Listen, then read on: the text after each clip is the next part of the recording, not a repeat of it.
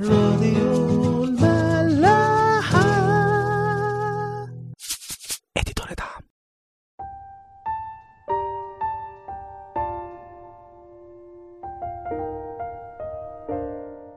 مساء الخير واهلا بيكم في حلقة جديدة من عيش وملح.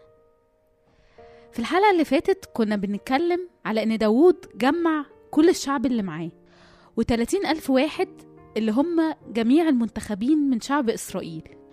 عشان ينقلوا تابوت العهد اللي كان متسمي رب الجنود الجالس على الكروبيم بتجتمع كل الناس دي ويركبوا تابوت العهد على عجلة جديدة عشان ينقلوه من بيت أبي نداب في يهوذا لأورشليم.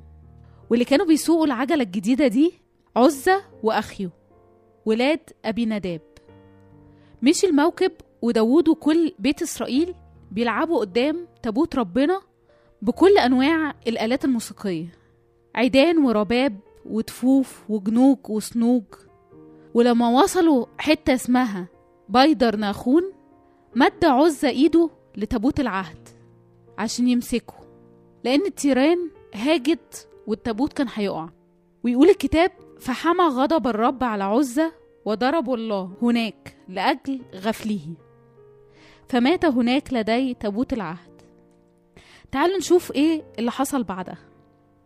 يقول الكتاب فاغتاظ داود لأن الرب اقتحم عزة اقتحاما. وبعدها يقول وخاف داود من الرب في ذلك اليوم وقال كيف يأتي إلي تابوت الرب؟ ولم يشأ داود أن ينقل تابوت الرب إلى مدينة داود فمال به داود إلى بيت عبيد أدوم وفضل تابوت الرب في بيت عبيد أدوم أكتر من ثلاثة أشهر. داود اللي على طول بيصلي وعلى صلة بربنا دلوقتي خاف خاف منه. يقول الكتاب في الأول اغتاظ داود من اللي ربنا عمله وبعدين يقول خاف أصلا ينقل تابوت العهد وسابه في بيت حد اسمه عبيد أدوم. واضح إن الحدث اللي حصل ده كان شديد قوي وكل الناس اتخضت وارتبكت بما فيهم داوود اللي عارف ربنا وماشي معاه. اوعى لما يحصل في حياتك حدث كبير وصادم زي ده تهتز. وثقتك بربنا تقل. أو تبعد عن ربنا وتخاف منه بدل ما تروح تجري عليه. حتى لو حصل حاجة شديدة وما كنتش فاهم ربنا عمل كده ليه ولا إيه مشيئته وخطته وقصده وحكمته من اللي حصل ما تبعدش ابدا عنه. ولا تخاف تتكلم معاه وتخاف منه. بالعكس ده أكتر وقت تدخل محضر ربنا فيه وتتكلم وتتناقش معاه لأن ربنا عمره ما هيسيبك محتار. في حكمة ورا كل حاجة بتحصل وربنا ضابط الكل. مفيش حاجة هتكون حصلت خارج عن نطاق سيطرته وإرادته. ربنا مش بيتفاجئ زينا ربنا هو اللي ماسك زمام الأمور. كون واثق في كده. زود قوي محبتك وعشرتك بربنا. عشان لما يجي الوقت الصعب ده ما تقعش. أو على الأقل لما تقع تقف تاني بسرعة. زود محبتك لأن المحبة تطرح الخوف خارجا زي ما يوحنا بيقول. كل ما بتختبر ربنا وتلمسه أكتر بتتعرف على صفاته وبتبتدي تفهم تصرفاته وطريقة تعامله معاك. طريقة تعامله معاك انت بالذات مش كل الناس. ما تاخدش خبرات الناس وتكون صورة عن ربنا. كون الصورة دي بنفسك لأن تعاملات ربنا بتختلف من واحد للتاني ومن شخصية للتانية. وحتى نفس الشخص تعاملات ربنا بتختلف معاه باختلاف الوقت والظروف ودرجة النمو اللي بيعدي بيها. الحاجة الوحيدة الثابتة في تعاملات ربنا مع كل الناس وما فيهاش خلاف أو جدال هو إنه أمين وصالح وإلى الأبد رحمته. هو إنه ضابط الكل ومراحمه على كل أعماله. هو إنه بيشاء إن الجميع يخلصون وإلى معرفة الحق يقبلون. باختصار هو إن كل اللي بيسمح لنا نعدي بيه أكيد فيه خير لينا ولصالحنا. حتى لو إحنا مش شايفين الخير والصالح ده في الوقت الحالي. وبعدين خلونا ما نتغفلش أهم حاجة في تعاملات ربنا معانا. وهو الجانب بتاعنا إحنا أصلا. مدى استيعابنا وقربنا من ربنا. مدى نضجنا ونمونا في العشرة معاه. السبب في موت عزة هنا كان غلط من داوود ومن عزة والشعب كله. مش سببه قسوة أو عدم رحمة ربنا. خلونا ما نظلمش ربنا كتير معانا. لأن في الغالب وفي معظم الأحيان بيبقى التأخير أو العطلة أو التجارب اللي بتحل علينا بتبقى بسبب عنادنا إحنا وكبريائنا بسبب طفولتنا الروحية والاجتماعية حتى. والتجارب دي بتبقى زي السلالم كل تجربة أكنها سلمة بتطلعنا خطوة زيادة وترفعنا. وعلى فكرة مش بس بترفعنا معاه وتدينا نضوج روحي دي بترفعنا عامة في حياتنا. بنكبر أكتر وبننشف ونتحمل أكتر بنتعلم أكتر نظرتنا للأمور وللدنيا وللتجارب وللناس بتختلف تماما. ربنا مش هيخلي أي حدث صادم أو كبير أو حتى صغير يحصل في حياتنا إلا ما يكون وزنها كويس. عارف أكيد إن الكفة اللي في صالحنا أكبر بكتير لخيرنا ولاستفادتنا. عارف إن الجمال اللي هنشوفه هيعوض عن كل السنين اللي أكلها الجراد. شطارتنا بقى إن إحنا نحاول نسمع لصوته ما نعنتش نبقى حساسين لكلامه والإرشاداته لأن ربنا زي أي أب بيربي ولاده في ولد بيسمع الكلام على طول ويطيعه وفي ولد تاني بيبقى متعب وده بيحتاج لتربية وتأديب أكتر. بس في نفس الوقت هو بياخد اهتمام أكتر كمان. خلونا ناخد بالنا من الحتة دي. من يحبه الرب يؤدبه ويجلد كل ابن يقبله. الأب في مثل الابن الضال كان بيحب الولدين بالتساوي أكيد. بس كان دايما مهتم ومستني رجوع الابن الضال. ده مش معناه أبدا إن محبته للابن الأكبر كانت أقل.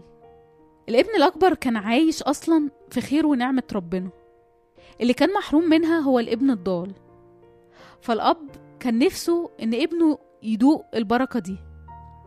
داود وكل الشعب كانوا محتاجين تأديب هنا. وربنا عمره ما هيتهاون في تربية وتأديب ولاده عشان ممكن يتألموا أو يتضايقوا منه ويخصموه لفترة. أكيد هيعرفوا بالوقت رحمته وإنه عمل كده لصالحهم. أكيد كلنا ما كناش حابين أهلنا وهما بيزعقوا لنا زمان أو بيودونا المدرسة اللي كانت في نظرنا تأديب. وأكيد كنا بنزعل منهم لو ودونا لدكتور السنان أو دخلونا مستشفى نعمل عملية. بس أكيد برضو لو إحنا عارفين مدى حبهم وخوفهم علينا الأمر هيبقى مختلف. ده الكلام ده بنقوله على أهلنا الأرضيين اللي ليهم ضعفاتهم لأنهم بشر. لكن ربنا عمره ما بيغلط أو بيبالغ في التربية. مش هيزعق إلا لو الأمر فعلا يستاهل الزعيق. ومش هيشد أو يأدب إلا لو هو متأكد إن ده اللي لازم يحصل. وعمره ما هيشد زيادة عن المفروض. حتى نسبة ومدى شده علينا هو حاسبها بإحكام جدا. لأن الله أمين لا يدعكم تجربون فوق ما تستطيعون. بل يجعل مع التجربة المنفذ. نرجع لقصتنا مع داود وتابوت العهد. داود وقتها اتغاظ وخاف من ربنا عشان موت عزة خاف بعد كده ينقل التابوت لأورشليم. فسابه في بيت واحد اسمه عبيد أدوم. وفضل التابوت في بيت عبيد أدوم ده لمدة تلات أشهر. الكتاب يقول وبارك الرب عبيد أدوم وكل بيته التابوت يمكن فضل سنين عند أبي نداب وولاده عزة وأخيه. بس واضح إن هما ما حسوش بقدسية وحضور ربنا جوه تابوت العهد. عزة تهاون في نقله على عجلة جديدة ولمس التابوت بإيديه. كسر الوصايا اللي ربنا كان بيقول عليها والنتيجة كانت موته. الناس تشوف إن التابوت هو اللي كان سبب لموت عزة. بس لما بتشوف مباركة التابوت لعبيد أدوم وبيته هتبتدي تفهم إن المشكلة هنا كانت في عزة مش في التابوت. التابوت كان بركة للبيت اللي كان فيه مش العكس.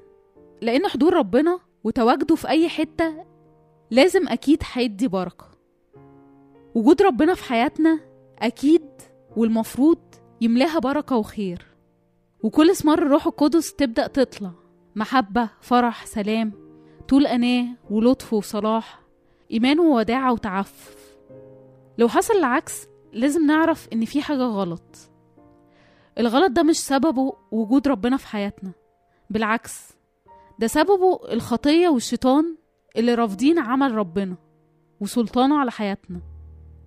فبيحاولوا بأي شكل إن يبقى فيه صراع دايم ما بين القداسة والخطية بين سلطان رئيس هذا العالم اللي هو الشيطان وبين السيد المسيح.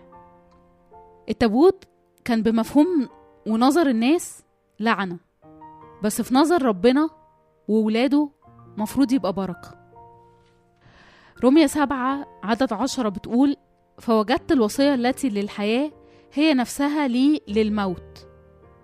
بعدها يقول الآية اللي قلناها في الحلقة اللي فاتت إذا الناموس مقدس والوصية مقدسة وعادلة وصالحة. بس اللي بيحصل زي ما قلنا إن الشيطان بيحاول يغير الحقائق ويخلينا في صراع مع روحنا. يقول فإني أصر بناموس الله بحسب الإنسان الباطن. ولكني أرى ناموسا آخر في أعضائي يحارب ناموس ذهني ويسبيني إلى ناموس الخطية الكائن في أعضائي. اللي عايزين نقوله من الآخر يعني إن الشيطان بيحاول يشوه صورة ربنا قدامنا ويطلعه هو السبب في كل المشاكل والتجارب اللي بتقابلنا. حضور الله ووصاياه في حياتنا مش سبب لعنة لينا بالعكس دي سبب بركة.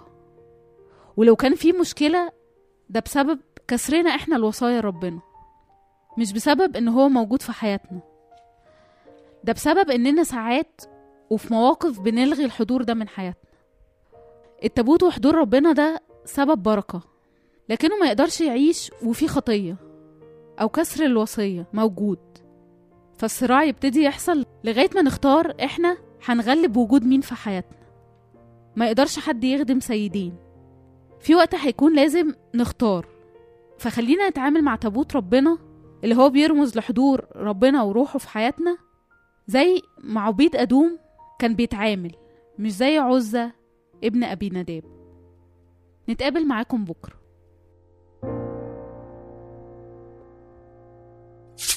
راديو ملاح. دي دنيا تا